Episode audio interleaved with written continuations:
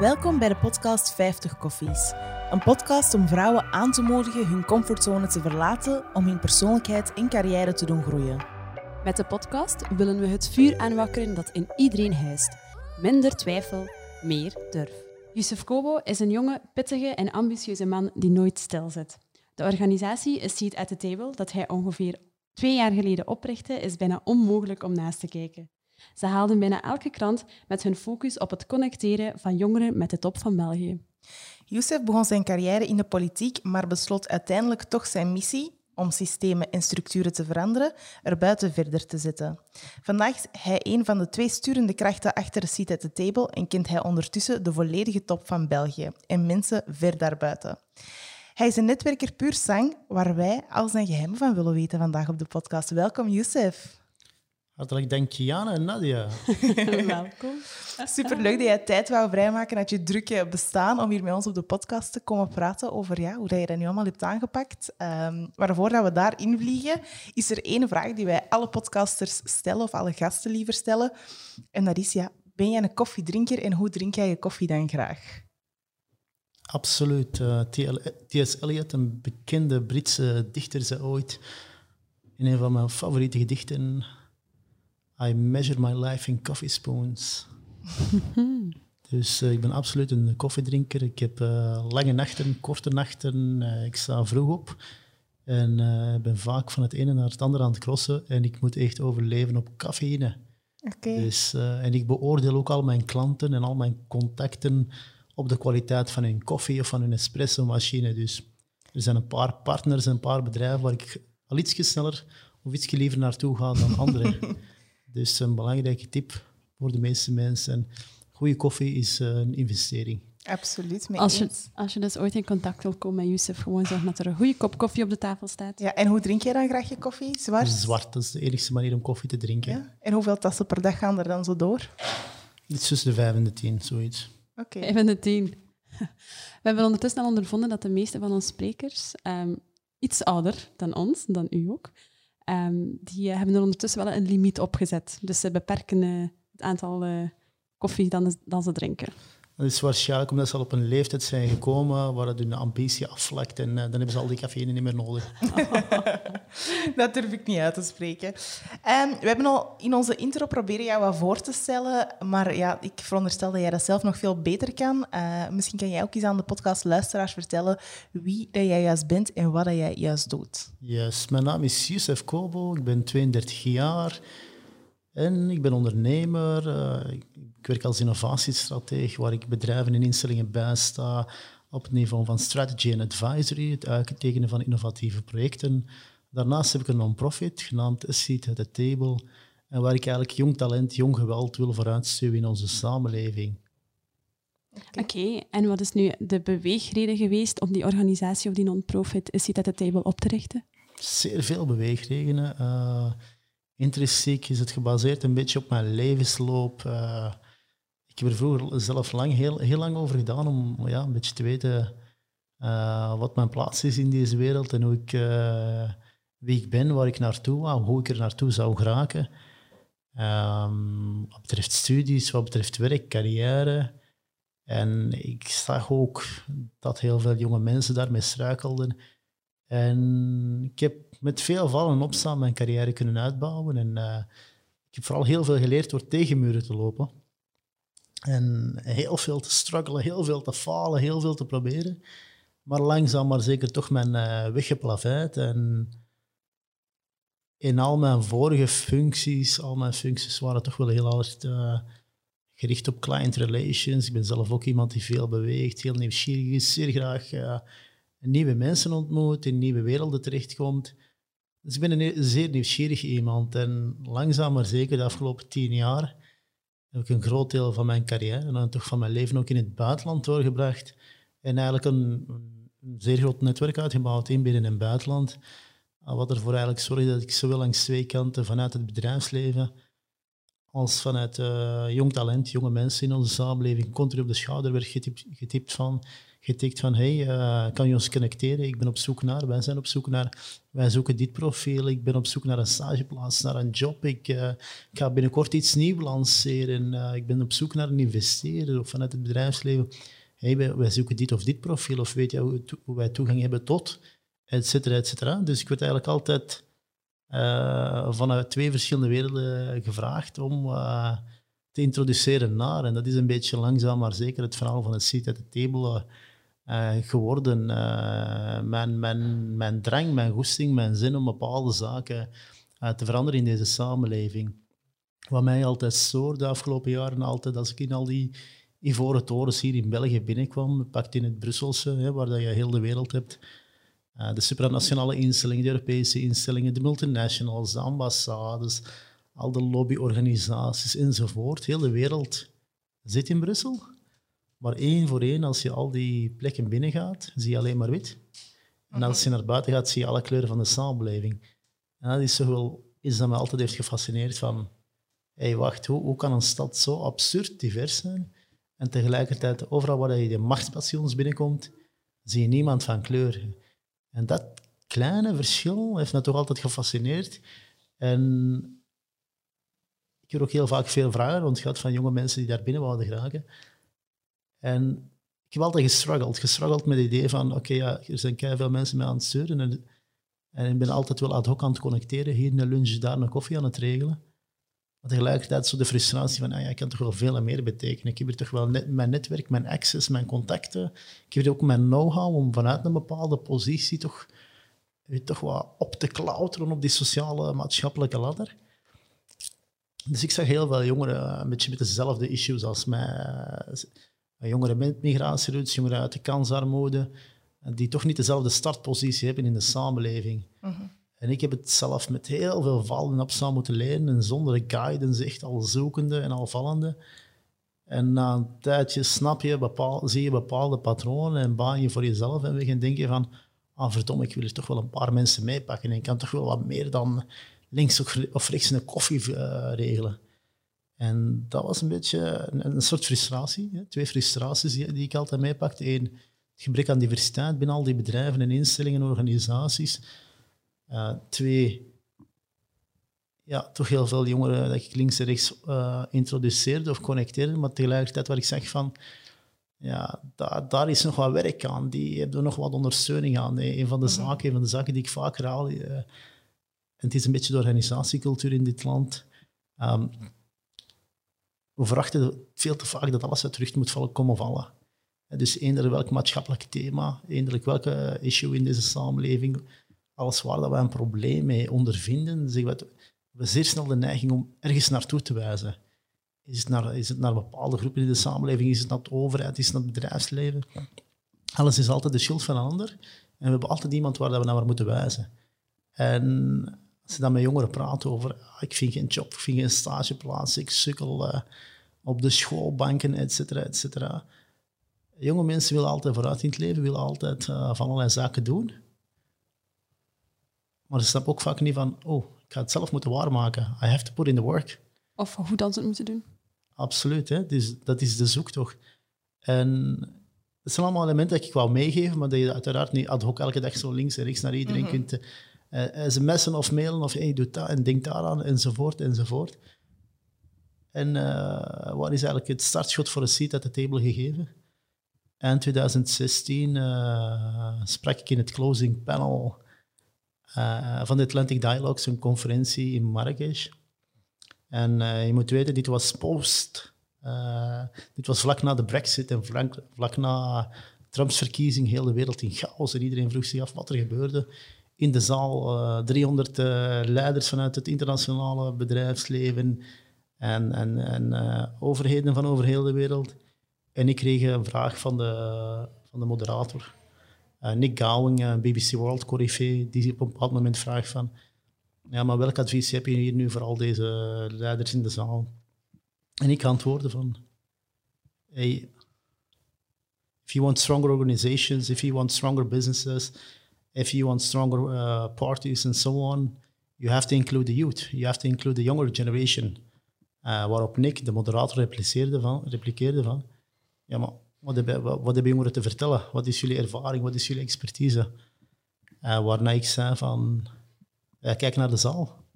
Wie van al deze toppers die allemaal 20, 30 jaar op het allerhoogste niveau meegaan, zagen de brexit aankomen, zagen Trump aankomen, zagen Crimea aankomen, de financial economic crisis.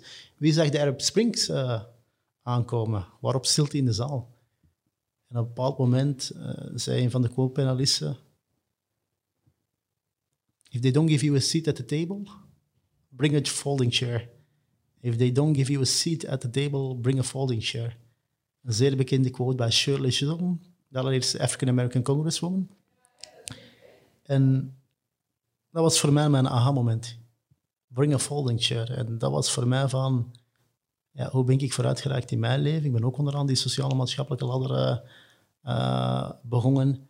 Ik heb mijn eigen altijd uitgenodigd. Ik heb altijd mijn eigen opportuniteiten gecreëerd. Ik heb mijn eigen altijd die folding chair gebracht. En dat was, dat was voor mij het startshot van, ja, verdomme, ik heb, ik heb toch al die contacten, ik heb, ik heb toch een beetje die know-how ik wil dat verhaal breder brengen. Ik wil dat niet meer ad hoc doen. Ik ga een organisatie, organisatie uitbouwen. En op dat moment die quote horen was voor mij gewoon dat uh, thunderstruck. Nee, ja. ik, ik, weet het, dit wordt de seat at the table. En ik ga alles en iedereen meepakken dat je maar kan meepakken in dat verhaal. En ik ben er sindsdien nooit meer mee gestopt. Het heeft me bijna 22 maanden geduurd voordat ik al genoeg firepower achter mij had. Ik wou niet zomaar het zoveelste VZW'tje een tof projectje oprichten, maar echt eentje die bulletproof was, met een strak verhaal en met echt alles en iedereen achter ons. Dus uh, federaties, werkgeversorganisaties, supranationale instellingen, ambassades, multinationals. Daar gaat heel veel tijd over om die allemaal achter u te krijgen. Zeker als je nog niets hebt bewezen, als je nog niets hebt gedaan. Mhm. Dan het funding ophalen. En uiteindelijk was het daar, 9 eh, oktober 2018, een kleine 21 maanden geleden, hebben we Sit Table gelanceerd. En again, dat was vooral jong talent, jong geweld, tonen hoe je vooruit geraakt in het leven, hoe je die, die maatschappelijke ladder uh, beklimt.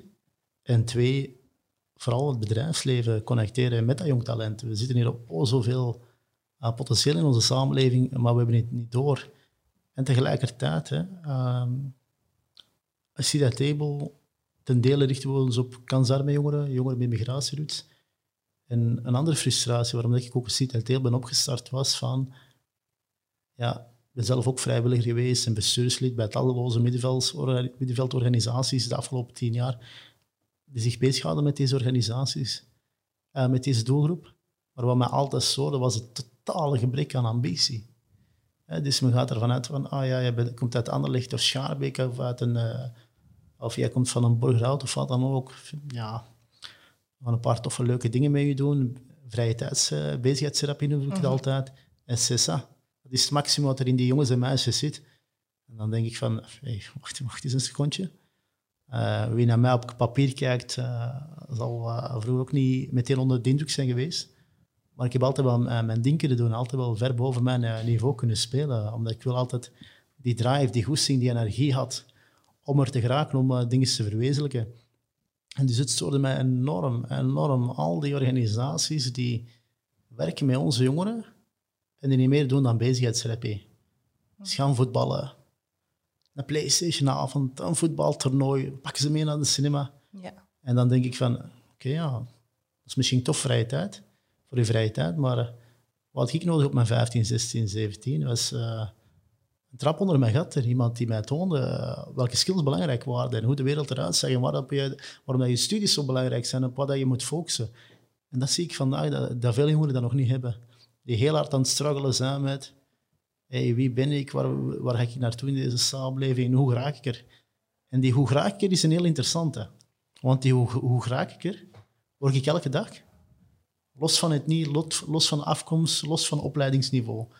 Uh, laat de absolute toppers, uh, jonge professionals bij grote bedrijven, of uh, mensen die een master of bachelor aan het afwerken zijn op een Vlerik of een KU Leuven, maar tegelijkertijd ook jongens en meisjes die een jaar, twee jaar niet meer gaan studeren zijn, die al een paar keer, paar jaar schoolmoe zijn, geen opleiding hebben, geen eh, middelbaar diploma.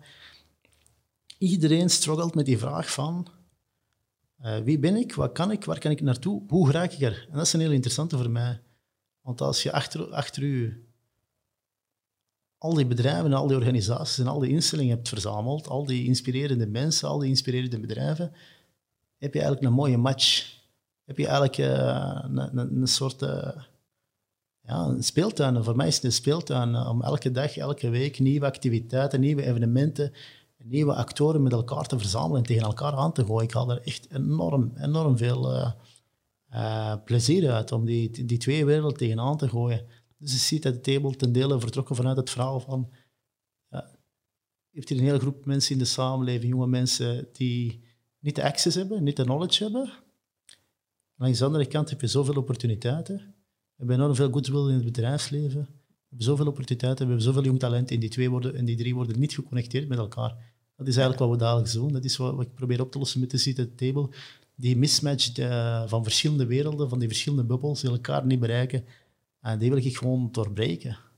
Dat is een heel mooi project, denk ik. En ik denk dat, denk dat het een heel uniek project is, omdat er inderdaad, zoals je zelf al aangaf, best wel wat initiatieven zijn om, om jongeren vanuit kansarme uh, gezinnen of in kansarme omgevingen die zijn opgegroeid, om die uh, keeping them off the streets, dat is inderdaad het, de, de, dingen die je aan PlayStation Night of, of voetbaltoernooi of whatever. Maar ik denk inderdaad dat er een heel grote gap is tussen bedrijven die wel openstaan voor diversiteit, maar die ze ook gewoon niet vinden, de jongeren. Absoluut, absoluut. Dus ze vinden elkaar niet. Nu, wat heb je eigenlijk in België? België heeft echt een bubbelcultuur. En wat bedoel ik daarmee? Ehm, iedereen zit binnen, binnen, zijn eigen niche, binnen zijn eigen branche, binnen zijn eigen sector. En we gaan daar niet te ver buiten. Hè? Wie, wie, vandaag naar een receptie of een conferentie gaat van een denktank of naar een receptie van een werkgeversorganisatie of naar een feest van een of ander reclamebureau of wat dan ook. Mhm. Die zal vandaag gaan en die zal binnen vijf jaar gaan en die zal binnen vijf jaar nog altijd exact dezelfde mensen tegenkomen. Ik kan bij elke activiteit of bij elk bedrijfsevent bij benadering zeggen van wie ik allemaal ga tegenkomen en wie er allemaal gaat zijn. Dus we zijn echt zo'n land waar iedereen binnen zijn eigen bubbel zit, waar iedereen binnen zijn eigen wereldje. En we weten gewoon niet wat er daar buiten speelt. En daar denk ik van, hey, weet je, daar gaan wij mee spelen, we gaan ons daarmee amuseren. Uh, we hebben die access, we hebben die contacten, we hebben het vertrouwen en we gaan ons jong geweld, onze jonge mensen naar zoveel mogelijk plekken nemen en zien wat er daar allemaal valt te faciliteren. Ja. Dus ik vertrek eigenlijk altijd vanuit drie principes met jonge mensen. Dat is één, uh, de access, de access tot die opportuniteiten. Twee, de, de knowledge, hè, de knowledge dat al die zaken er bestaan. En drie, action. Ready, game, set, action. Uh, actie is heel belangrijk. Ik zeg altijd, je kan mensen doodslagen met opportuniteiten, ze gaan het zelf niet doorhebben. En ik zie dat ook zelf, elke dag waar ik mensen doodslag met opportuniteiten, maar ze hebben het niet door, ze, ze pakken het niet vast. Oké, ik ga misschien ook even nog een beetje achtergrondinformatie geven. Ik ben zelf ook lid van A Seat at the Table en ik zit mee in het team. Dus Jozef, dank u wel. Jozef en ik werken dus ook al uh, bijna twee jaar samen. Een leuke uitdaging, um, met ups en downs, maar vooral uh, heel uitdagend. En je komt inderdaad heel veel in contact met, uh, met bedrijven waarvan je niet eens uh, wist dat ze bestonden. Uh, en ook altijd heel dicht bij de top, bij de CEO, bij de, bij de mensen die dat eigenlijk voor het zeggen hebben hier in België ook. Um, Jana en ik maken ook wel heel veel gebruik van het netwerk van de Seat at the Table. Absoluut. voor de podcast, voor de gasten. Um, heel vaak zeggen we, hey, kennen jullie via Seat at the Table? Um, het zou heel tof zijn moesten jullie met ons ook in gesprek gaan. Dus ook dank u wel daarvoor, Yusuf. Nu, dan? Los daarvan uh, heb je nu al aangegeven dat voor u met vallen en opstaan is om, uh, ja, om uw carrière te maken of om al die bochten toch te maken. Heb je dan ergens um, een persoon gehad van in het begin die dat wel geloofde in u of die dat u ergens toch wel een beetje heeft uitgelegd hoe dat je dat zou moeten doen? Of als ik het misschien anders mag verwoorden, met Peter de Keizer hebben we het gehad over sociaal kapitaal, waar dat heel veel um, kansarme jongeren of, of jongeren met migratieachtergrond een beetje missen of niet altijd weten hoe of wat bepaalde zaken gaan hier in België? Het, uh, een paar verschillende elementen. Hè. Uiteraard, uh, ik heb in mijn leven heel wat klankborden en uh, mentoren gehad, maar ik, ik, ik, ik heb toch heel veel al vallend erop staan moeten leren. En ik heb ook heel vaak niet geluisterd. Ik heb een bepaalde maturiteit moeten opbouwen, een bepaalde levenservaring moeten opbouwen, voordat ik weet, voor ik heb geleerd van ja, wanneer moet luisteren en Wanneer, uh, wanneer niet, uh, er zijn toevallig een paar klankborden uh, van mij, van een seat at table, die hier gepasseerd zijn. Denk maar aan een Peter Keizer en Geert Noels. waar dat we toch heel veel hebben gehad in, in het verhaal van de CTT. Dat zijn twee heren die toch zeer genereus zijn met hun tijd. Toch, toch twee zeer druk bezette mensen, met die toch altijd zeer genereus zijn met hun tijd voor jonge, jonge ondernemers, jonge ambitieuze mensen die een verhaal willen En, en, en, het tof van die twee heren is en Peter Keizer met zijn vernoot Olivier van Horenbeek of een Geert Noels, of pakken we geen Elke Jurissen of een Jan de Nijs of wat dan ook. Het zijn toch wel mensen die... Het zijn niet mensen die meteen gaan applaudisseren, die meteen gaan zeggen van wow, geweldig bezig. Het echt mensen die, die gaan challengen, die gaan uitdagen, die gaan zeggen oké, hoe zit het met het businessmodel? Je heb je deze en deze al gecoverd? Waar zitten nog de hiaten? Waar, waar zitten nog de fouten? dus ehm, een belangrijk element is van dat je je vaak moet herinneren. Uh, je, je, moet je vaak omringen met mensen die, die de ervaring hebben, die de tijd hebben, die tijd willen investeren, maar tegelijkertijd ook die er niet staan om te applaudisseren voor je, die er niet zijn om, om te zeggen van hoe geweldig dat je bezig bent. Want dat is, bezig bent, want dat is, dat is altijd een trap. Um, je moet je eigen omringen met mensen die je gaan challengen, mensen die je gaan uitdagen, mensen die je gaan pushen. Want ik zie zelf ook heel vaak, en ook gewoon aan, aan de, de, vele fouten die ik heb gemaakt in mijn leven, als je ambitie hebt en als je jong bent, denk je van je eigen van ik weet alles en ik kan alles en niemand kan mij iets maken en I'll show you. En tegelijkertijd moet je beroep doen op mensen die het allemaal al hebben meegemaakt en erdoor zijn gegaan. En soms moet je ook eens gewoon bescheiden durven zijn, eh, stil zijn en luisteren en bepaalde elementen meepakken. Dat heb ik heel lang in mijn leven niet gedaan. Ik heb altijd geweten van, nee, ik trek me van niemand iets aan, ik doe altijd mijn dingen, ik weet het wel. En het is dan interessant om je te omringen met uh, klankborden die je challengen, die je uitdagen. En die gewoon altijd gaan kijken naar je verhaal en wat kan er beter? Uh, waar zitten nog de fouten? En als je jong bent, ga je dat allemaal heel persoonlijk aanpakken, aannemen. Van, oh, maar ja, wat denk jij wel, dit, dat. En na een tijdje zie je gewoon waar je, waar je struikelt over je eigen uh, ego, zeg maar. Mhm.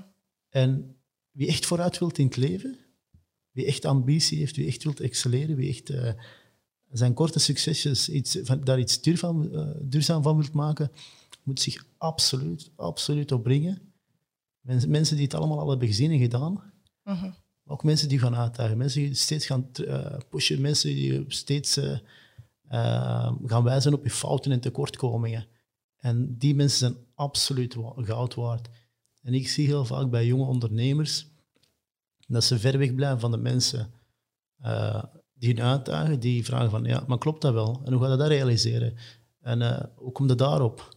Want uh, dat is allemaal comfortabel en wie denkt jij wel dat jij bent? Ja. En dat zijn de mensen die vroeg of laat gaan struikelen en niet ver gaan geraken met hun verhaal. Maar die paar mensen die toch tegen kritiek kunnen, tegen feedback, tegen challenge, tegen harde feedback, tegen, tegen zelfs bijna, bijna verwijten, zeg maar, die, die bouwen een bepaalde resilience op en die gaan automatisch ook altijd zichzelf versterken en bijschaven en bijleren. En dat is een belangrijke onderneming. Jullie brengen hier een podcast. Hè. Uh, die, die jonge mensen, die vrouwen, die mensen wilt uh, helpen bij, uh, bij het ondernemen, bij die passie voor ondernemen. Een van de belangrijkste lessen binnen het ondernemerschap is perseverance, blijven doorgaan, resilience, die agility, die continu doorduwen. No matter wat er gebeurt, altijd doorduwen, altijd blijven gaan. En daar is heel belangrijk dat je leert omgaan met rejection, met tikken krijgen, met incasseren. Hop, coronacrisis, heel de wereld plat, wat ga je nu doen? En, en daar zie je ondernemerschap en leiderschap, dat echt ondernemerschap en leiderschap er naar boven komt. Mhm. iedereen, iedereen kan gemakkelijk uh, een paar buzzwords en managementbooks doornemen en uh, een tof verhaal brengen in een sexy PowerPoint of wat dan ook. Links en rechts een paar toffe evenementjes. Uh, maar ondernemerschap is ook vooral een verhaal van duurzaamheid, een verhaal van consistency. Iedereen kan één of twee, drie grote succesjes hebben. Maar de mensen die er tien jaar lang staan, voor, voor hun heb ik uh, bewondering. Bij hun ben ik onder indruk. Dus ondernemerschap is resilience opbouwen. Resilience is ook ten dele uh, beroep doen op ervaring, op mentoren, op klankborden, mensen die tijd vrijmaken om u feedback te geven, om door uw boeken te gaan, om u te wijzen op uw tekortkomingen. En na een tijdje leer je gewoon van um, feedback, kritiek, moet eigenlijk constant zijn. Je moet continu op zoek zijn naar je eigen tekortkoming. Continu van waar maak ik fouten? Want we doen niks anders dan fouten maken. En we hebben allemaal onze sterke kanten en onze zwakke kanten. Mhm. en, en, die zwakke punten moet je afdekken. En van die zwakke punten moet je zeer bewust zijn dat ze er zijn. Hè. Uh, een van mijn favoriete quotes is van... You don't know what you don't know. Ja. Het zijn die klankborden, die mentoren, die je vertellen what you don't know. Dat is een zeer belangrijke... Ik heb zeker mijn klankborden en mentoren gehad. Uh, ik, heb, ik heb er een paar in het buitenland die ik één keer per jaar zie, die ik altijd ergens tegenkom op een conferentie, die veel voor mij hebben gedaan, of veel voor mij hebben betekend. En ik heb er een paar in België. Het zijn er een, hartvol, een handvol, maar waar ik wel veel aan heb gehad. Oké. Heel mooi. Ja, Nadia en ik proberen dat ook uh, te doen. Op zoek gaan naar kritiek, op zoek gaan naar...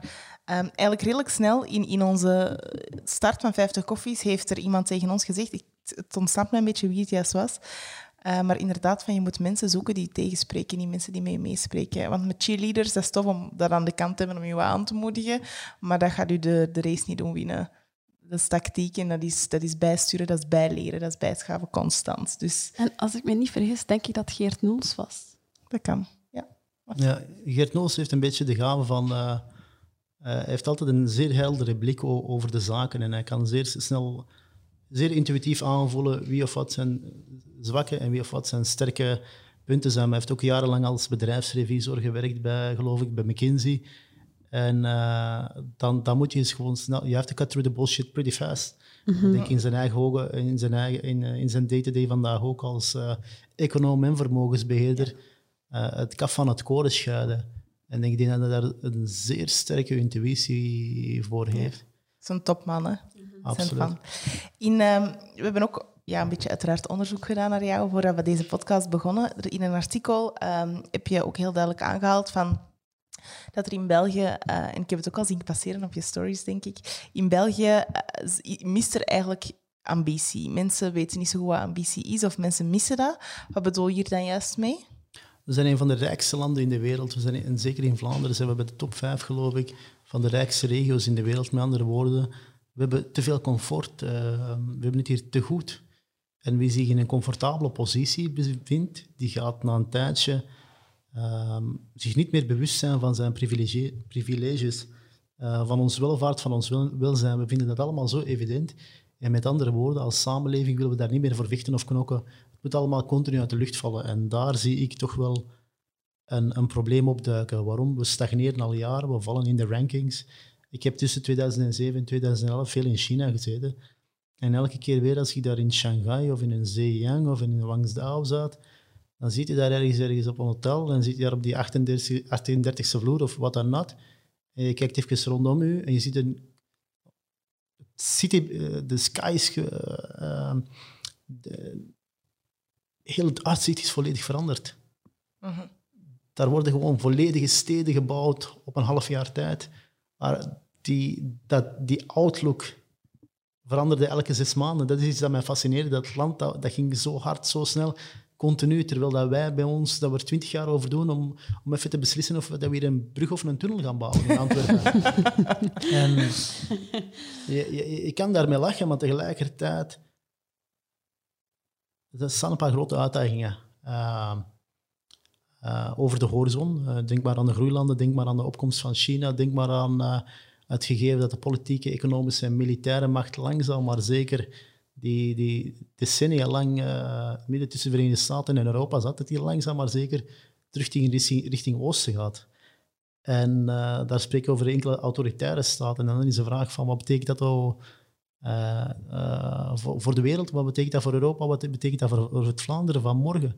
Worden er langzaam maar zeker iets netiger, iets kleiner. We hebben langzaam maar zeker iets minder te zeggen in de wereld. we hebben lang, wat betekent ook? We hebben langzaam maar zeker iets minder te zeggen over onze eigen welvaart en onze eigen veiligheid. En dat is voor mij een belangrijke. Dus, en in een comfortabele positie, we hebben het zeer goed. Dus dan zijn we niet meer zo um, gewend om hard te knokken en te vechten of, of om te bouwen. Bouwen aan het Vlaanderen, bouwen aan het België van morgen. En je ziet dat gewoon op alle facetten in onze samenleving. Uh, mobiliteit, klimaat, energievoorziening, uh, de vergrijzing, de werkstelling. We stagneren. We doen al twintig jaar niets en uh, we zijn een land van stilstand, een land van lethargie. En alle grote actoren hebben elkaar in een houtgreep en alle grote partijen hebben elkaar in een houtgreep en er gebeurt niks meer. En als er niks meer gebeurt, dan ga je langzaam maar zeker achteruit. En net daarom vind ik in het verhaal het verhaal van ambitie zo belangrijk. Dus in België mag je niet ambitieus zijn? Ik zie het gewoon vaak in al mijn afspraken. Ik zie het vaak uh, dat ik mezelf censureer, dat ik onze eigen cijfers en eigen plannen een beetje halveren of naar beneden haal. Of anders gaan ze je toch niet serieus nemen. En dat vind ik een hele vervelende. Ik zit zelf vaak in Genève, in Londen, zo nu en dan in de VS. Uh, en mijn meetings met bedrijven en organisaties daar zijn compleet, maar dan ook compleet anders. Om, omdat men daar echt op zoek is naar de next big thing. Er is een energie, er is een drive. Uh, dingen vallen heel snel te verwezenlijken. En in België is het toch vaak van... We, nemen we doen er een half jaar over om iets te beslissen. We, organiseren drie keer exact dezelfde meeting met exact dezelfde mensen en we gaan nog niets beslist hebben. En dan denk ik vaak van, met wat zijn we in hemelsnaam bezig? En wat zijn we bezig? Uh, ambitie is een beetje de, de fuel, de energie, waar het op een samenleving op draait. En als die in een land zeer klein is, gaat er ook de komende decennia niet, niet veel gebeuren. En in, in deze context denk ik van het geopolitieke klimaat, in de acceleratie van de geschiedenis, wat er allemaal aan het gebeuren is in de wereld, vind ik dat een gevaarlijke. Dan kijk ik liever naar een land zoals Nederland, dat zich wel al voorbereidt op de toekomst, dat wel al eh, een strategisch zicht heeft op, uh, op haar positionering in de komende decennia.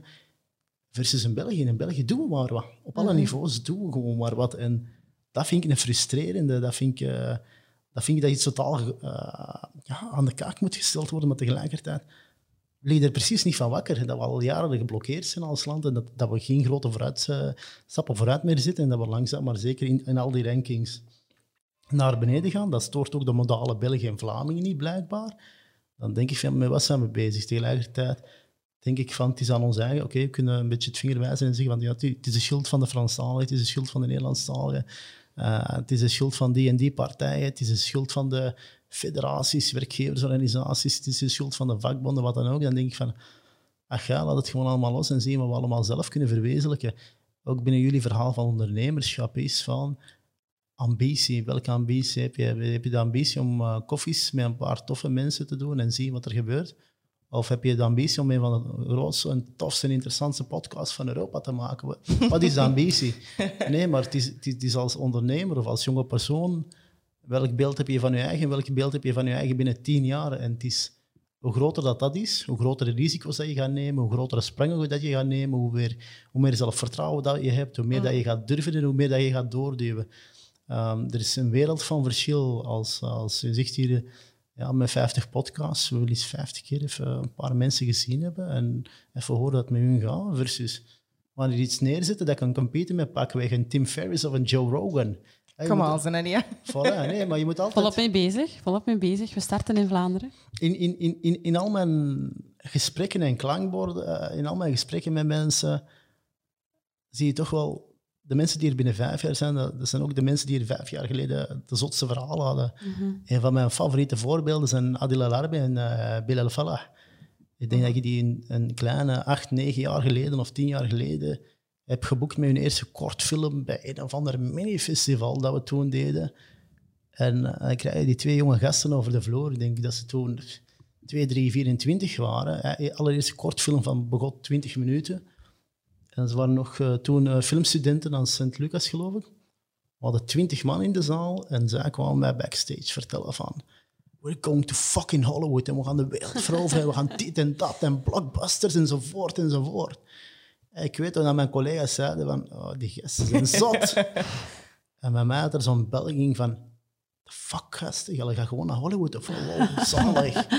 en nu, een jaar geleden, zat ik bij hun anderhalve week op de filmset in Hollywood, in, in, in Miami. Met de Will Smith? Ja, met, met Will Smith en Martin Lawrence. Die, die gasten, ik heb, hun, ik heb hun de Nieuwsstraat zien afzetten voor een van hun eerste films. En dan zie ik hun ineens uh, Ocean Drive in fucking Miami afzetten voor een van hun films. Dus die ambitie is een belangrijke. Die, het beeld van je eigen dat je hebt in de toekomst is een heel belangrijke. En het is daarop dat je leven gaat structureren, dat je ambitie en je werk, werkethiek en tempo en goesting en drive op gaat baseren.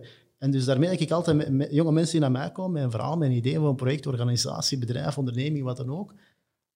Als het, uh, als het uh, en dat is ook typisch Vlaams, hè, zo heel voorzichtig, we gaan wel zien. En allee, ik wil, allee, ik denk, ik zou, ik ga, ik zeg altijd nee.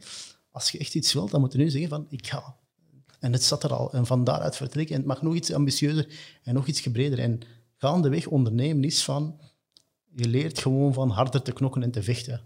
dus je leert gaandeweg elke dag terug opstaan en elke dag opnieuw iets neerzetten en elke dag te knokken. En ambitie hebben we meer nodig in dit land. En ambitie is de belangrijkste stelregel dat ik jongeren binnen Seat at the Table en mijn teamleden wil meegeven. We hebben drie values binnen Seat at the Table. Dat is ambitie, zelfredzaamheid en ondernemerschap. En als je naar die drie kijkt, die drie zaken, de vertaling daarvan is bring a folding chair. Ik doe het zelf. Opportunity is manufactured. Wij leren hun opportunity is manufactured. Je creëert je eigen opportuniteiten. Wat doen wij vanuit de Seat at the Table? Is één, wij openen deuren voor onze leden. Wij geven hen een push. Maar geef ze ook verantwoordelijkheid. En die verantwoordelijkheid is voor mij een zeer belangrijke. Waarom? Uw growth, uw groei, of dat je nu eh, een vrijwilliger bent of een teamlid, uw groei zit in de verantwoordelijkheid. Iedereen kan alles voor u doen. Uh, uh, sky is the limit, zeg maar. Hè. Een entree overal, dat kan iedereen geregeld krijgen. Hè, dus die open deur en die push, die kan iedereen u geven. Maar de verantwoordelijkheid, dat is één waar ik van zeg, van, dat kan ik persoonlijk niet doen. Ik kan niet voor u gaan beslissen dat je vandaag of morgen daar gaat solliciteren, dat je vandaag of morgen die stap gaat zetten, dat je vandaag of morgen een bepaalde werkethiek hebt, of dat je snapt van, hier moet ik nu voor gaan. Die verantwoordelijkheid uh, om met bepaalde zaken om te gaan, dat is waar dat je groei zit en dat is hoe dat je de wereld gaat veroveren. En dat is, blijft voor mij een belangrijk. Wij zijn een land waar dat we alles hebben om maar een Zwitserland te worden, de next Zwitserland, zeg maar. We zijn een kenniseconomie. We, zijn, we zitten tussen de vier grootste landen, van, uh, vier grote landen binnen het EU-blok. Nederland, Duitsland, Frankrijk en Groot-Brittannië. We hebben alle Europese instellingen. We hebben zoveel voor ons gaande, maar we doen er gewoon al decennia niets mee. We zijn langzaam maar zeker aan het stagneren. En dan denk ik van, oké, binnen seat at the table, België en Vlaanderen, jullie doen maar wat jullie willen, maar wij gaan onze jonge mensen vooral meegeven van, hey, de wereld ligt aan jullie voeten hier is de push en we willen dat jullie vliegen. En daar zie je gewoon echt bij onze jonge mensen, na een paar maanden, beginnen zij dingen te doen en pakken ze mij in de snelheid en beginnen ze zelf dingen op poten te zetten waar ik van denk van, wow, zalig, wow, fenomenaal. En je creëert gewoon een omgeving als je gewoon allemaal gaan inhalen met hun, hun, eigen verhalen, dromen en ideeën. En dat is waar ik naartoe wil mm -hmm. met thema. En dat is een verhaal waarom ik altijd zeg van, ambitie is belangrijk. En we zitten helaas in een land waar dat niemand je ooit serieus neemt als je ambitie hebt. Uh, kop niet boven het maaiveld steken, hè. allemaal braaf, bescheiden, en doe maar normaal, doe maar gewoon. Absoluut. En dan denk ik maar van, fuck dat. Fuck dat. Doe maar normaal, wees bescheiden, et cetera. Nee, ga ervoor. Spring, groei, droom, creëer dingen. Mhm. Dat hebben we wat meer nodig. Ik vind het heel interessant dat wat je zegt, want ik denk inderdaad, ik ben het helemaal eens met het feit dat er, denk ik, in België um, zijn we opgevoed, doe maar al normaal en dat is al gek genoeg. Um, dus zeker voor mensen die aan het ondernemen zijn, eerste, tweede jaar, die zeggen van oké, ik durf wel groots te dromen, ik, ik zie het wel, ik, ik wil naar wherever, China, Amerika, uh, Silicon Valley, is Amerika, maakt niet uit, uh, gaan je hebt het zelf al aangegeven, helemaal in het begin, dat je heel veel de vraag krijgt, oké, okay, what's next? Dus na die ambitie, wat volgt er dan voor u? Voor de leden of voor mezelf? Of? Voor, voor mensen in het algemeen, ondernemers, mensen die... Creëren. Creëren vind ik een van de belangrijkste zaken, dat je zelf iets creëert. Want daar haal je de meeste, de meeste ervaring uit. Dus één, push. Dus één, access. Twee, een push. Drie, verantwoordelijkheid ik denk van iedereen die serieus is met uh, ik wil als persoon groeien of ik wil professioneel groeien, die creëert iets van zichzelf. Is dat nu een evenement? Is dat een project? Is dat een organisatie? Is dat een start-up? Is dat een, uh, een onderneming? Creëer iets zelf. Waarom, waarom probeer ik altijd mensen te pushen om iets te creëren? Omdat je daar het meeste, de meeste skills op bouwt, dat je daar de meeste ervaring op doet begint bij iemand te werken, eh, een, een, nieuwe job, een nieuwe ervaring, een nieuwe sector, zeker als jonge persoon, dan doe je een bepaalde skillset op. Ja, bepaalde soft skills en bepaalde beroepservaringen die eigen zijn aan die sector. En dan moet je één, één twee, drie zaken goed kunnen. Eén, één zaakje wel, twee, twee bepaalde vaardigheden wel of niet. Bij het opstarten van een eigen project moet je plots alles kunnen. Uh communicatie, HR, IT, sales, business development, enzovoort, enzovoort. Ik denk dat jullie dames, uh, uh, jullie ook in jullie proces van het opstarten van uh, eh, 50 koffies, dat je ook gewoon elke week met iets totaal anders bezig wordt. Dan heb je plots andere uitdagingen, andere vragen. En het, plots de vraag van, oh, wat is deze? Oh, ik ben dat vergeten, ik wist niet dat dat ook moest. Hoe doe ik deze? Bij wie kan ik terecht voor? Je bent gewoon continu aan het switchen en continu nieuwe dingen aan het aanleren. En je, je staat gewoon met je rug tegen de muur. Dat is voor mij een belangrijke. Ik ben, ben geen grote fan van comfort. Ik hou liever van rug tegen de muur en springen en zien wat er gebeurt. En daar zit de grootste groei. Hè? Dat creëren, iets van je eigen creëren, geeft de meeste voldoening. Ik uh, krijg regelmatig interessante aanbiedingen die ik gewoon links van mij laat liggen. Waar ik ergens in een, in een of andere structuur zou kunnen gaan werken of een mooie opportuniteit waar ik van denk van... Nee, ik heb nu genoeg de, de maturiteit en de ervaring van... Ik ben in mijn eigen projecten aan het uitbouwen. En net op basis van die zaken dat ik aan het uitbouwen ben, krijg ik al die opportuniteiten. Waarom zou ik die, dat eigen project loslaten en ergens onder iets gaan werken of met iets gaan werken en helemaal gecapteerd worden? Dus de meeste groei, de meeste ervaring en ook de meeste opportuniteiten komen vanuit het creëren van je eigen verhaal. En dat kan, en dat kan een verhaal zijn rond uw passie, rond uw skills of rond uw dromen. Ik denk dat iedereen in zijn eigen een of andere toekomstige multinational of een of andere toporganisatie zit. Um, maar ze hebben nog niemand gevonden die dat uit hun kan halen of niemand die hun die push wilt geven. Daarvan denk ik van, hey, laten wij dat zijn bij een seat at the table. Laten wij mensen mhm. pushen tot excellence. Mooi. En ben jij dan met de seat at the table de next big thing in België? Of zou jij eerder naar het buitenland gaan als ik je zo hoor praten? Lijkt het toch een beetje alsof dat de, de ambitie toch hebt om misschien naar het buitenland te gaan? En daar uh, je volledig te ontwikkelen en daar wel je grootste ideeën waar te maken en u niet meer te moeten klein houden? Nee, ik heb altijd uh, in mijn 20 jaren zeer veel uh, gereisd, zeer veel in het buitenland gezeten, op allerlei projecten gezeten. En ik heb vorig jaar tussen al mijn activiteiten in België in 22 landen gedaan. En drie, drie vierde daarvan was professioneel. Ik ben iemand die in zijn comfortzone zit als ik veel beweeg en veel kan bewegen uh, naar verschillende plekken, verschillende uitdagingen tegelijkertijd. Dat is voor mij de comfortzone. En ik zie mij op termijn uiteraard nog, nog iets langduriger en nog meer zaken doen in het buitenland. Maar mijn allereerste ambities ziet at de table naar 10.000 jongeren en 1000 bedrijven krijgen. En uh, dan, dan zal ik iets wat klein, klein, klein, klein, klein, klein, een beetje tevreden zijn met de seat at the table. Maar Hoeveel jongeren zijn er nu na twee jaar ongeveer? We hebben er 2400. Ik wil zo snel mogelijk naar 10.000, wie weet wel, binnen, binnen de twee jaar dat is voor mij het doel. Ik wil 10.000 jongeren de full access en de carte blanche bij hele de Belgische top geven. Hè. Dus dat we al die bubbels doorbreken, dat we een permanent weefsel creëren tussen die twee werelden, dat elkaar niet vinden. Hè. En je ziet eenmaal dat mensen dat weefsel in dat kader hebben gecreëerd, dat ze hun na een tijdje niet meer nodig hebben. Dat ze zelf hun weg vinden naar al die opportuniteiten en al die spelers. En dat gebeurt ook langs twee kanten. En dat is een hele belangrijke voor mij. Um, dat je echt iets kan zeggen binnen een paar jaar van dit, deze zaken allemaal hebben wij gecreëerd. Deze zaken hebben dingen in gang gezet. Die impact is voor mij belangrijk. En langs de andere kant, ik zal altijd iemand zijn die veel beweegt en vaak in het buitenland belandt. En uh, ik, ik, ik, ik, heb wel goed zien in een paar avonturen in Londen en New York en uh, een pakweg in Shanghai, zeg maar. Oké, dan gaan we... zit eruit te komen dus. Absoluut. Um, een vraagje. Je zegt van, hey, ik wil dan duizend bedrijven... connecteren met duizend uh, bedrijven. We weten natuurlijk ook, als je een seat at the table de laatste tijd een beetje hebt gevolgd, dat er elke dag minimum één uh, talk was tijdens de lockdown uh, met een van de top van België, ondernemers, politici, um, ja, allerlei mensen. Hoe heb je dat nu aangepakt, al die mensen leren kennen? Je zegt van, oké, in het begin, ik heb wel een groot... Eh, ik, heb, ik heb veel access naar heel veel mensen. Hoe creëert je dat? Drie zaken. Heel simpel. Bewegen, bewegen en bewegen. Oké. dus, bewegen uh, dus. absoluut. Nee, dus uh, het is ook uh, simpele wiskunde. Hoe meer je beweegt, hoe meer je dingen in gang zet. En ik kom vaak zeer veel start-up personen tegen, hè, jonge ondernemende mensen die, die vandaag een groot verhaal komen brengen. En binnen twee jaar wanneer je nog eens gaat horen, en hoe is het gegaan of wat ben je nog aan het doen, en die nog op exact dezelfde positie zitten. Waarom? Ze hebben enkel hun verhaal en ze bewegen niet. Wie wilt iets wilt creëren, wie iets wil doen met zijn leven, die moet zeer veel bewegen. En daar bedoel ik mee uh, projecten op poten zetten, uh, bij organisaties aan de slag gaan, gaan vrijwilligen, uh, zoveel mogelijk koffies en lunches scoren met inspirerende mensen of mensen die je feedback kunnen geven. Je moet gewoon continu bewegen in verschillende cirkels, verschillende niveaus, verschillende sectoren, verschillende verhalen. Dingen proberen, dingen uitproberen, falen, terug opstaan, etc wie beweegt, daar komen de opportuniteiten naartoe. Ik zeg altijd, uh, er zijn twee soorten mensen. 99% van de mensen die accepteren de realiteit zoals ze is. En 1% van de mensen they bend the universe to their will.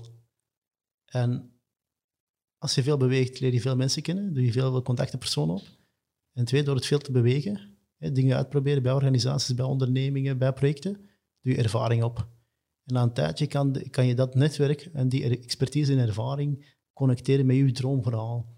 En hoe meer netwerk of hoe meer juiste klankborden dat jij hebt, hoe grotere dingen dat jij kan creëren, hoe snellere dingen dat je kan creëren. En, en je bent er daar net zelf over begonnen, die, uh, die webinars van tijdens de lockdown, dat, bijna dagelijks webinars. We hadden een zeer interessante case uh, binnen Seat at the Table een kleine drie maanden geleden. Vanuit het niets waren plots al onze evenementen geschrapt. Op twee, drie weken tijd kreeg de ene telefoon na de andere van hey, we kunnen binnenkort uh, dit en dit niet meer met jullie doen, want strengere regels, geen externe groepen meer. En ik keek naar het virtuele failliet van Table, want plots waren er 45 evenementen geschrapt. Gaande van rond de tafel met de premier tot met Bel 20 CEO's, een studytrip naar Singapore, een studytrip naar Genève. 45 evenementen, drie maanden niets meer doen. Daarna examens, school. Met andere woorden, Table ging een half jaar niks meer doen. En dan kan je je daarbij neerleggen, want dat waren honderd uren werk. En een heel mooi bedrag dat plots in rook opging, omwille van die eh, internationale lockdown en van die coronacrisis. Oftewel, ga je gewoon springen. Springen, niet nadenken en, er, en, en ervoor gaan en zien wat er gebeurt. En dat is ook allereerst wat ik heb gezegd tegen mijn team was van, uh -huh. denk een twee, drie dagen nadat we wisten dat er een lockdown ging komen, zei ik van, kijk, ik weet nog niet wat ik zeg dat we gaan doen, maar ik ben nu sprekers aan het boeken. Er is hier iets dat, dat blijkbaar Zoom noemt. Webinars, gewoon zoek snel, snel, snel een naam. Heeft iemand een idee? ACET Live? Oké, we gaan ervoor. ACET Live het is. Dus drie, vier dagen na onze laatste evenement waren we terug bezig met webinars. En ik ben langzaam maar zeker um, sprekers te boeken. En ik had een beetje de, het comfort, maar vooral ook de arrogantie van lockdown mag voor mij één maand duren, drie maanden, zes maanden, I don't care. Ik ga elke dag vullen met topsprekers van over heel de wereld. En dat komt vooral dankzij het netwerk dat je in al die jaren hebt opgebouwd door het bewegen, bewegen, bewegen, bewegen. Okay. En dus, wat hebben we dan gedaan? Op die, tijdens die lockdown, tijdens die 2,5 maand, hebben we iets van 180 uh, sprekers uh, gaat tijdens 160 webinars zal iets hoger liggen.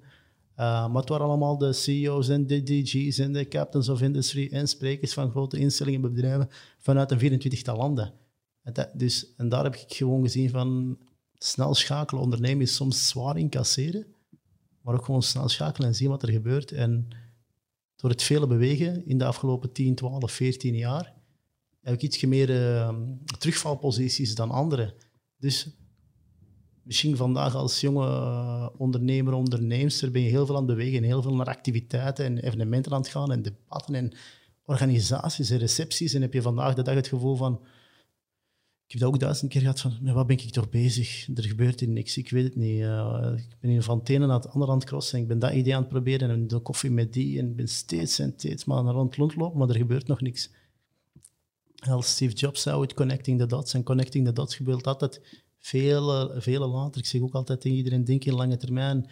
Denk minimum binnen twee jaar, denk minimum binnen drie jaar. Het is daar waar alles aan het gebeuren is. Vandaag de dag ben je als uh, jonge student, ondernemer, wat dan ook, met allerlei zaken bezig waar je denkt van intuïtief vind ik dat het belangrijk is dat ik met deze organisatie samen zit, of ik naar deze podcast luister, of dat ik met deze persoon samen zit.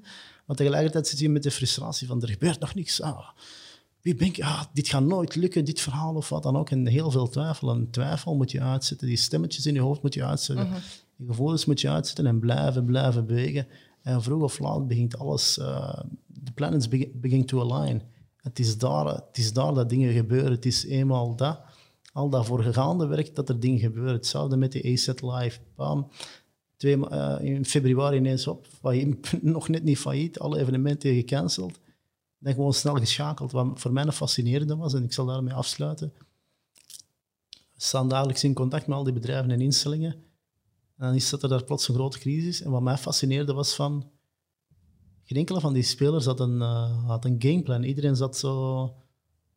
Iedereen is enorm aangedaan van alles wat er gebeurt. En niemand, niemand had een contingency plan. En ik praat hier letterlijk over de grootste spelers van het land en de wereld, die plots zo, wat gebeurt er, wat gaan we doen? Ik weet het niet. En dat was voor mij het signaal van, hey, dit is een zeer grote opportuniteit van een seat at the table. Hier kunnen we ons nog meer bewijzen dan ooit tevoren. Heel de wereld staat stil. Ja. En wij gaan drie, vier keer zo hard gaan. En dat was voor ons een belangrijke les. Ehm, bij elk trauma, er is iets dat noemt eh, de five stages of grief. Er zijn vijf stages in, in het trouwen. En die zijn eh, anger, denial, acceptance, et cetera, et cetera. Dan moet je er nog twee geven, hè? Je kunt niet zeggen dat het er vijf zijn, dan maar drie van de vijf geven. Ik vind dat er iemand die zeer, zeer snel moet googelen. Uh, even, Je hebt wel enkel de drie onthouden van... eh, afhankelijk van de dag, van de keer dat ik het vertel, heb ik ze alle vijf of, of maar. Ehm, voilà. We krijgen hier hulp eh, ha- Hartelijk dank. van eh, onze Tim. technische team. dat is een technische Tim. Dat Ja, klinkt- dat klinkt goed, hè? Dus die begint bij denial, anger, depression, bargaining, accept- acceptance. Dus één, hè, bij zo'n coronacrisis, het, het, het, het- ja, denial, nee, er is hier niks bezig. En, we gaan binnenkort terug buiten mogen. En dan de anger, kwaad op de wereld, kwa- kwaad op de regering. Eh, Depression, hè. depression, dat was bij mij de vierde dag van wow, allemaal opdrachten, projecten in het buitenland, alles is geschrapt, oh my god. De bargaining van, ah, misschien lukt dat nog wel, ik weet het niet, dit en dat. En dan de acceptance. En die acceptance, hartelijk dank Tim, Ehm, ik was heel snel op die fase. eh, Ik was, ik was er na drie, vier dagen van, oké, dit is het. Dit is de situatie, we Ja. gaan er nu gewoon mee aan de slag. En je ziet heel vaak, eh, en dat is eigenlijk die, die micro eh, bij ondernemers, is van die vijf stages, bij elke rejection dat je hebt, is... ehm, die acceptance du- duurt veel te lang. Eh, die acceptance eh, duurt veel te lang voordat ze daar geraken. En als je bij elke tegenslag gewoon snel naar de acceptance gaat, dan kan je, kan je snel nieuwe dingen verwezenlijken. Maar ook daar heb je het een, een beetje ervaring nodig. En twee, ja, eh, the network always wins. Zoals Peter Hinsen, een van onze sprekers, altijd zegt. Dus the network always wins. Oké. We hebben het nu heel lang over eh, netwerk opbouwen, bewegen, bewegen om dat netwerk op te bouwen. Dat, gebeurt eh, niet van de ene dag op de andere, maar dat zijn eigenlijk wel een, eh, een heleboel jaren dat je je netwerk opbouwt. Oké, maar je hebt je netwerk nu. Ehm, hoe krijg je, of hoe haal je het meeste uit je werk, uit je netwerk? Hoe ga je daarmee aan de slag en hoe vraag je dingen aan je netwerk? Want je hebt dan wel een heel netwerk achter u staan, die weet waarmee dat je bezig bent. Ehm, maar op een gegeven moment wil je je netwerk wel inschakelen en zou je daar bepaalde dingen van willen vragen. Ik, ik wil misschien eerst ehm, een een stap naar voren, naar, naar jonge mensen die een netwerk willen uitbouwen. Het allerbelangrijkste is dat je mensen benadert die je oprecht zelf eh, sympathiek of interessant vindt. Ga nooit, ehm, connecteer nooit met mensen waar je van denkt van oh, daar kan ik iets uit halen of eh, die kan wel iets voor mij regelen of Mhm. fixen of wat dan ook. Ehm, netwerken, relaties uitbouwen is, is, iets 100% menselijk. En als er één ding is dat je altijd meteen verraadt, is als je geen oprechte intenties hebt. Dus je moet echt... Ga niet op zoek naar bepaalde personen of organisaties of bedrijven waar je van denkt van ah, die gaan heel veel voor mij kunnen doen. Ga op zoek naar wie interesseert mij, wie, wie, wie vind ik interessant als persoon, wie vind ik interessant als bedrijf, omdat die dat of dat doen. Of wie vind ik echt oprecht sympathiek. En je moet je op die, op die mensen ehm, focussen. En twee is van, eh, hoe breng je dat verhaal aan? Want dat is ook altijd de, de vraag van, hey, oké, dat netwerk is wel heel tof, maar ik durf het niet vragen. Ik durf niet op iemand af te stappen. En daar is het verhaal van een koffie. Quick coffee. Hè? Dan delen jullie verhaal. Een, een snelle lunch. In Vlaanderen zegt niemand nooit tegen een koffie. Dat is iets dat ik ga, gaandeweg heb. Dat is waar. En eh, ik moet ook eerlijk zijn, bij de start van onze koffie, ik heb dat ook altijd eh, tegen Jana gezegd, of tegen eh, onze luisteraars gezegd, dat ik ergens getriggerd werd door Yusuf Kobo, die dat eh, ooit op de lancering van uh, Sit at the Table aankondigde, dat eh, niemand nee zegt tegen een koffie en aan koffie toch wel the way to get it is. Vandaar dat wij op de koffie zijn beginnen gaan met mensen en dat wij dus een podcast hebben, 50 koffies. ik, ik, ik dacht dat het Ish was met de, met de koffietheorie. eh, eh, Ish, ja, dat, was, dat ging over Ish. Of ja, ik denk dat Ish mijn koffietheorie uitlegde. En ik denk Ja, dat ik ook klopt. ooit tegen hem zei van ja, Ish, hebt zo'n, toch zo'n toffe naam en iedereen vindt u sympathiek. En hij was met een paar projecten bezig. Pak gewoon een paar koffies met mensen en dan gaat het veel sneller gaan. En dat is ook mijn boodschap naar alles en iedereen toe, is van Vlaanderen is een zeer egaal land. Iedereen is bereikbaar, iedereen is aanspreekbaar. En iedereen zegt, niemand zegt nooit tegen, nee tegen een koffie. En wat hebben wij nodig als uh, jonge ondernemers, starters of jonge, jongeren die op zoek zijn naar, naar wat ze de rest van hun leven gaan doen, is uh, inspiratie, ervaring, expertise, etc. En de beste manier om dat te doen is van koffies. Koffies met mensen die ervaring hebben. En wat ik vroeger altijd deed en wat ik vandaag de dag nog altijd doe, als ik, als ik iemand uh, interessant vind of, of boeiend vind, als ik van denk van, oh ja, daar wil ik toch echt van leren, of, of oh, ik ben zo geïnteresseerd door zijn of haar wereld, of oh, wat die kan, of wat, dat wil ik toch ook kunnen, is gewoon altijd casual, van als je die tegenkomt op een receptie of een evenement, is van, hey, hallo, aangenaam, Yusuf Kombo, zit at table. Ik word eens een koffie. Oké, okay, we hebben dan een koffie. En de next step, dus als echt nu, je hebt je netwerk, je hebt bepaalde financiële middelen nodig en je wil je netwerk daarvoor gebruiken.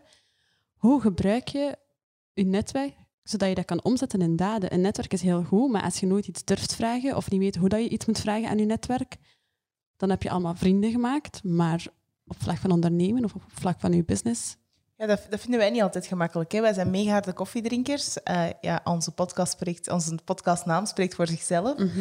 Maar dan effectief dingen vragen is toch niet altijd, vinden we toch niet altijd gemakkelijk. Nee. Echt zo, je netwerk omzetten in daden. Hoe pak je dat concreet ja, aan? Teach netwerk om, omzetten in daden is van twee zaken voordat je, voordat je begint te filosoferen over uh, wie kan mij helpen in wat. Is van één, uh, werk aan de relatie. Hè. Leer iemand kennen. Daarmee dat ik ook zeg van omring alleen maar met mensen die je zelf oprecht, authentiek, sympathiek en interessant vindt. Ja. If not, it will, it will always show. En twee, dus de relatie, de relatie ontwikkelen, creëren en uittypen.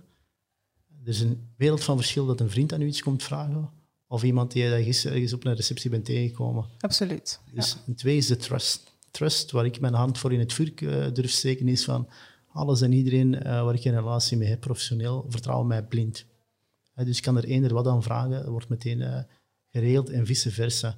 Dus ik heb nooit zelf in mijn relatie, dit is persoonlijk uiteraard, ik heb in al die jaren nooit niets gevraagd aan niemand. Ik heb wel enorm veel gekregen. Dus ik herhaal, ik heb nooit niets gevraagd aan niemand, maar ik heb wel enorm veel gekregen. En dus soms moet je ook bewust zijn dat het grootste cadeau dat je kunt krijgen van iemand, uh, van een klankbord, van een mentor is, die gewoon aan het werk zien. Voor mij was het altijd het meest fascinerende. Zo'n een, een, een, bekende ondernemer of een politicus of een leidinggevende, die daar gewoon achter het scherm kunt volgen, die zijn verhaal kunt horen, et cetera.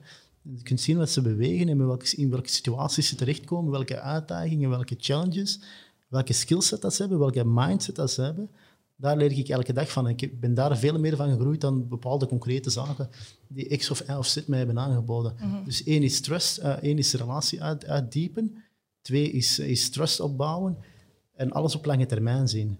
Dus ga alles, gaat altijd van minimum 12, 24 maanden, etc. Dus relaties zijn iets zeer organisch en zijn iets zeer authentiek. En van zodra dat je gewoon snel naar iets wil toegaan, van ik een X of Y, ik wil er dat uit, dan komt er een strain. En dan bekijken, bekijken ze vanuit een andere invalshoek. Als jij een jonge, sympathieke dame of, of, of kerel bent van, ah ja, daar wil ik in investeren, daar wil ik mee aan de slag, dan gaat er veel meer richting u komen dan dat je ooit had verwacht. Twee concreet, hè. dat was de vraag van, uh, wat zijn dan de volgende stappen? Is van, breng uw verhaal. Hè. Pak 50 koffies met alles en iedereen dat je kent binnen uw netwerk. En binnen het verlengde netwerk, hey, ik, ben hier, uh, ik ben hier vandaag Nadia en Jane en wij hebben een idee rond een podcast wel, dan begin je meteen met een mapping van alles en iedereen binnen je eigen netwerk die ondernemers kent, alles en iedereen die bezig is met media en alles en iedereen dat daar rond is. En dan ga je zoveel mogelijk koffies pakken met mensen en je verhaal brengen. Gewoon je verhaal brengen, want dat is het belangrijkste. Storytelling, waarom doe je iets? Wat is uw why? Wat is uw drive? Daar gaan mensen op reageren. de why is altijd het belangrijkste. Hè? Absoluut. En dus hoe vaker, waarom zeg ik altijd van bewegen, bewegen, bewegen en pak die koffies en lunches, is van um, elke persoon dat je gaat spreken is goud waard. Maar je gaat dat pas doorhebben naar die 50 koffies, naar die 50ste, naar die 51ste. En dus elke persoon gaat oftewel luisteren, heeft oftewel feedback, kritische feedback, kan je vertellen, oh, deze, bestaat al, uh, wat is uw positionering? Nee, deze markt bestaat er nog niet, ik moet dat ook proberen, et cetera. Ik heb deze connecties, heb je die al gedacht, ik zal je introduceren tot. Dus elke persoon waar je mee afspreekt, elke persoon waar je mee een koffie gaat pakken is, gaat je één aanscherpen, gaat je verhaal versterken en gaat je ook uitdagen en challengen. En langzaam, maar zeker heb je veel beter beeld op je product en op je verhaal. En dat is een belangrijke. Dus je moet soms ook gewoon niet gewoon springen. Hier is mijn verhaal, hier is mijn ondernemer of wat dan ook. Omring je met de ervaring. En again, mijn gulden stelregel is van... In België, niemand zegt nooit tegen een koffie. Een van de allereerste dingen dat ik doe, waar ook maar terwijl dat ik ben, is van... Ah, ik, ik ga naar Genève, ik ga naar de VS, ik ga naar São Paulo wie ken ik en uh, wie kan mij een koffie of een lunch fixen met interessante mensen. Oké. Kijk hoe, dan heb ik nog uh, een vraag van oké, ik, ik, weet al, ik ben al een beetje biased, want ik heb al wat gehoord van, van Nadia uiteraard. Je hebt dan je netwerk, je hebt net gezegd, oké, springt er niet als een jaguar op, denkt in lange termijn, dat is zeer duidelijk. Maar zijn er andere do's en don'ts die je aanraadt voor een kwalitatief lange termijn netwerk? Wat je wel kunt doen, wat je best niet doet? Ik denk een van de allerbelangrijkste zaken is van dat je jezelf in zo'n positie kunt bewegen dat mensen nu interessant vinden. Dat jij op de radar komt van mensen en niet omgekeerd. En dat kan je redelijk snel doen. Wat hebben jonge mensen als voordeel is van? Ze zijn jong. Waar houden mensen met ervaring van of senior figuren is van? Jonge onder mensen ondersteunen. Ik zie heel veel CEO's die, die naar een CEO-roundtable met en met s'avonds opbellen en zeggen van, bedankt dat ik het mocht gewoon echt, wauw, dit is echt, uh, dit, heeft echt een impact op mij gehad. Dat vind ik een heel interessante. Ik heb heel lang gedacht van, oh, zij doen ons een favor. Nee, zij vinden het een enorme weerwaarde. Dus je moet een verhaal construeren, een verhaal brengen, je product, je eigen persoon of wat dan ook, waardoor dat mensen je willen ontmoeten, die willen weten van, ah, wie is Nadia, wie is Jana, met wat zijn die hier bezig? Dat creëer je ten dele door je eigen te challenge en proberen iets in je neer te zetten, niet het, het zoveels, uh, ik weet niet wat, ijscreamsalon om de hoek, maar echt een apart verhaal. En, en ook heel veel bewegen. Mhm. Als mensen nu heel veel zien bewegen en overal zien opduiken, maar ze hebben zo nog iets van, ja, wie is dat? Wat doet die? Hoe komt hij daarmee? Wat is hij allemaal bezig? En die is met die en die en die bezig. Kan die ook snel geneigd zijn van u uit te nodigen. Als je met die, die asymmetrische positie waar de personen waar jij op jaagt, eigenlijk op je jagen, dat zijn van de zaken die mij fascineren. Dus maak jezelf interessant. Mhm. Maak jezelf interessant in beweeg, maar laat het, ook nog een beetje mysterie. En die mysterie zal ervoor zorgen dat mensen naar u komen. En wat ik vaak zie in onze jonge mensen is van, gebruik, gebruik dat jong zijn. Een jonge persoon, al die CEO's zeggen ook altijd tegen mij van, ja, ik ben zelf ook binnen mijn eigen bedrijf mensen op, altijd zelf op zoek naar mensen dat ik kan, kan mentoren, maar niemand stelt me ooit de vraag. Dus dat brengt ons naar het tweede. Durf. Durf die vraag te stellen. Durf mhm. die, zoals Steve Jobs ook altijd zei, van ask is het allerbelangrijkste. Durf die, uh, uh, durf, uh, durf te vragen. Hè. Dus je moet zien dat je met, met jezelf als persoon een beetje kunt profileren als een interessante persoon, maar dat je toch wel die koffie wilt mee, mee, mee pakken. Ah ja, mensen houden daar veel van. Zo, jonge mensen die bewegen en dingen op poten dansen, willen ze altijd ondersteunen, willen ze ook gewoon, vinden zij langs hun kant ook interessant. Senior figuren zijn vaak ook zo even gretig. En dat is, kan u misschien versterken in uw zelfzekerheid bij het benaderen van mensen of het creëren van een nieuw verhaal. Senior figuren zijn vaak ook zeer gretig en zeer nieuwsgierig om met jonge mensen samen te zitten. Dus eigenlijk heb je als jonge aspirant ondernemer of wat dan ook wel vaak een paar dingen in your favor. Maar je moet je ook daarvan bewust zijn. En ten dele ook van, ja, hoe kan ik dat een beetje markten, profileren, mm een brand. Wat is de brand rondom mij? Dus kort, uh, je bent... Uh, gebruik, gebruik, het feit dat, dat, je jong bent, dat je ambitieus bent, maak jezelf interessant. En twee, besef ook dat heel veel mensen, de mensen die je nodig hebt, ook wel staan te springen om mensen zoals u te begeleiden. En daar, uh, dat is toch al een startpositie. Wat was de, nog verder de vraag? De do's en don'ts van de, do, de do's en don'ts, oké, trust, trust is een heel belangrijk. Dus we zitten al op, uh, één, maak jezelf interessant. Twee, trust. Nee, dus, dus één, maak jezelf interessant. Durf te vragen. Durf te vragen, want één, even noteren. Hè. Durf. Trust. Interessant. Interessant is een belangrijke. Maak, u, voilà, maak, maak u zelf interessant. Durf te vragen. Uh, drie, trust. Trust is uh, een heel belangrijke. Uh, bij mij, elk gesprek dat ik heb, ik gooi meteen altijd alle kaarten op tafel. Ik zeg meteen tegen mensen of bedrijven, organisaties van... Ja, dit is waarom ik vandaag met u samen zit, of dit is waarom ik met jullie samen zit, en dit is eigenlijk wat ik van u nodig heb. En je, je pakt... Mensen zijn vaak... verschieten daar vaak van. van ik, I, I don't beat around the bush. En dat je kaarten op tafel legt of dat je zegt wat de challenges zijn of de needs zijn of wat, wat je uit een bepaald gesprek kunt halen, mm dat weten mensen te appreciëren. Denk in go straight to business. Maar als je een relatie hebt met een bepaalde speler en is het altijd zo met veel vijven en zessen van eigenlijk denk ik is zo, dit, dit, dit. ja, dan, dan is het ook zeer vermoeiend voor die andere persoon aan tafel van ja, wat wilt je nu? Ja. Want Een gemiddelde ondernemer heeft snel door van wat iemand, waarom dat iemand met hem of haar wilt samenzitten. Ja. Als je dan zo een beetje eh, na veel vijven en zessen, ja, kun jij misschien niet voor ons? Nee, je gaat straight naar je ask en dat weten mensen te appreciëren. Eh, een andere is van, ik denk voor mij de allerbelangrijkste is van, denk in lange termijn. Het netwerken draait allemaal om relaties. En relaties is heel belangrijk. Dat je enkel uw tijd en energie investeert in mensen die je oprecht interesseren, die oprecht een meerwaarde voor u kunnen vormen. Dus lange termijn is een belangrijke. Denk vandaag van, oké, ik weet niet wat, ik heb hier een kleine tech-startup en ik ga me wat inmerken in de, in de, in de techwereld en uh, Metagoria, et cetera, et cetera. Relaties, contacten, een netwerk duurt jaren op te bouwen. Dat is zeer traag weefsel. Dat, is, dat zijn zaken die je ni- niet kan kwantificeren. Het is niet van, ik ga vandaag naar de Carrefour en koop mij een netwerk. Het is iets dat je langzaam maar zeker opbouwt. Dus denk in lange termijn. Uh, begin niet van, ach, ik, heb, heb, ik wil, binnen een jaar bij Deloitte beginnen en uh, ik wil bij wijze van spreken morgen al alles en iedereen kennen binnen de consultancywereld. Zo gaat het niet. Geef je de tijd, de energie en de drive. Um, en die trust, die trust is ook een belangrijke. Uw naam, het, ik geloof dat het Warren Buffett is die het altijd zegt, is van uh, it takes 20 years to build up a reputation, it takes 10 seconds to lose it. Alles waar dat je je voor engageert, alle afspraken die je maakt met mensen, alle contacten die je opdoet, dat je altijd overal een goede naam achterlaat. Uh, dat, het zijn vaak, you don't know what you don't know, en het zijn vaak van, als je, als je ergens, ergens een fout hebt gemaakt of niet correct bent geweest, het is altijd die persoon dat je zal torpederen. Het zal altijd die persoon zijn die...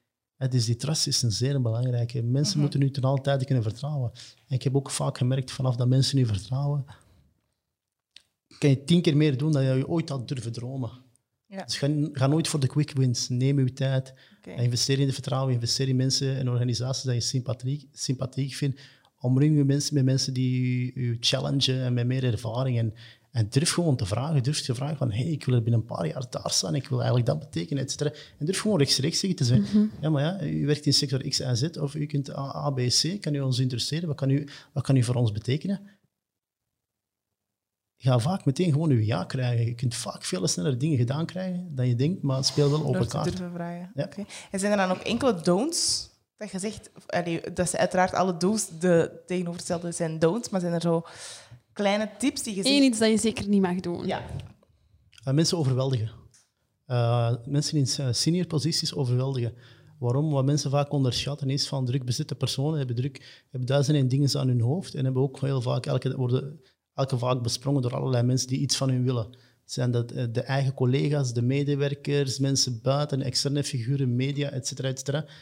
Um, hoe hoger je bent op, op, uh, in de samenleving, hoe meer mensen dat iets van u willen. Dus denk maar aan een gemiddelde voetballer, eenmaal die buiten komt, iedereen wil ermee op de selfie, iedereen wil er een handtekening van, iedereen wil uh, dat hij of zij komt spreken op zijn project, evenement, organisatie. Uh, be smart about it. What makes you stick out? Waarom zei ik daarnet van, maak jezelf interessant is van, ja, een gemiddelde CEO of een minister of wie dan ook, uh, wordt elke dag 50 keer benaderd van hey, heb, je, heb, je, heb je dit of dat, kan je dit voor mij doen? Ik, ik wil eens even met je spreken. How you gonna compete met 50 mensen die elke dag aan de schouder trekken van zo'n leidinggevende? Uh-huh. Dus uh, het is een deel ook een, een, verhaal van strategie. Wat maakt u als, als Janne of Nadia zo interessant om eens een keer mee samen te zitten of zo oprecht, authentiek? Um, het is overweldigend niet. Mensen werken, werken liever aan een relatie, bouw het op van hey, eens een keer is iemand toevallig tegenkomen, even op de radar komen en een paar maanden later nog eens toevallig op een ander evenement tegenkomen en langzaam maar zeker die familiariteit opbouwen en richting die eerste koffie gaan en die relatie. Dat werd iets beter dan het overweldigen. Het overweldigen, hè, van, en wat bedoel ik met overweldigen? Hey, ik kom vandaag A tegen en ik vraag direct aan hey, ah, oh, oh, oh, super dat ik u hier heb en uh, ik heb binnenkort A en kunnen we dit samen doen? Die gaat zich heel aangevallen voelen en, en nerveus. En daar ga je... Uh, en iemand waar je gewoon heel casual, hey, hallo, ik vind het interessant wat je doet, tut, tut. daar kan je op bouwen. Lange termijn, ja. altijd in lange termijnen. Dus niemand overweldigen in het netwerken. Oké, okay. okay, super. Oké, okay, dat is duidelijk. Um, een heleboel informatie over uh, het netwerken, wat we wel en niet mogen doen. Ondertussen zijn we ook al um, vrij hard over de tijd aan het gaan. Maar ik heb wel nog één allerlaatste vraag voor jou. Yusuf, wat zou je doen als je premier van België zou zijn? Mhm. Ehm, de structuren van dit land moeten dringend terug op, uh, worden. Uh, gaan we richting zevende staatshervorming?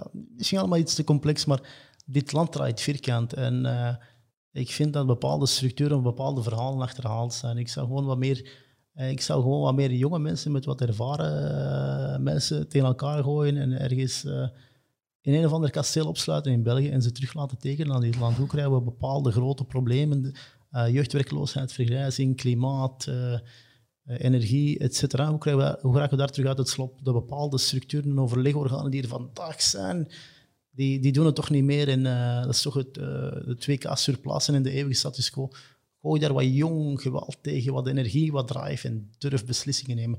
Dus als premier zou ik heel wat beslissingen proberen te nemen en door te duwen. En uh, we'll see. Maar uh, een prachtig, prachtig land en prachtige mensen. Maar het moet terug vooruit. Dus durf beslissingen nemen. En beste dames en heren politici, bij deze. Oké, okay. De ongeduldige ondernemer van het land die dat alles toch een beetje sneller uh, vooruit zou willen zien gaan. Staat daar op de, staat daar op de ambitie van Youssef Kobo premier worden van België? Wie weet. Wie weet. Oeh, spannend. spannend. Dan kunnen, we toch zeggen dat we, mystery. dan kunnen we toch zeggen dat we hem ooit op de podcast hebben gehad. Voilà. Youssef, heel erg bedankt om hier vandaag te zijn. We hebben enorm veel informatie gekregen, enorm veel geleerd. En uh, ja, wij gaan ermee aan de slag. Hè? Absoluut. Voilà. Dankjewel. Veel succes. Tot ziens.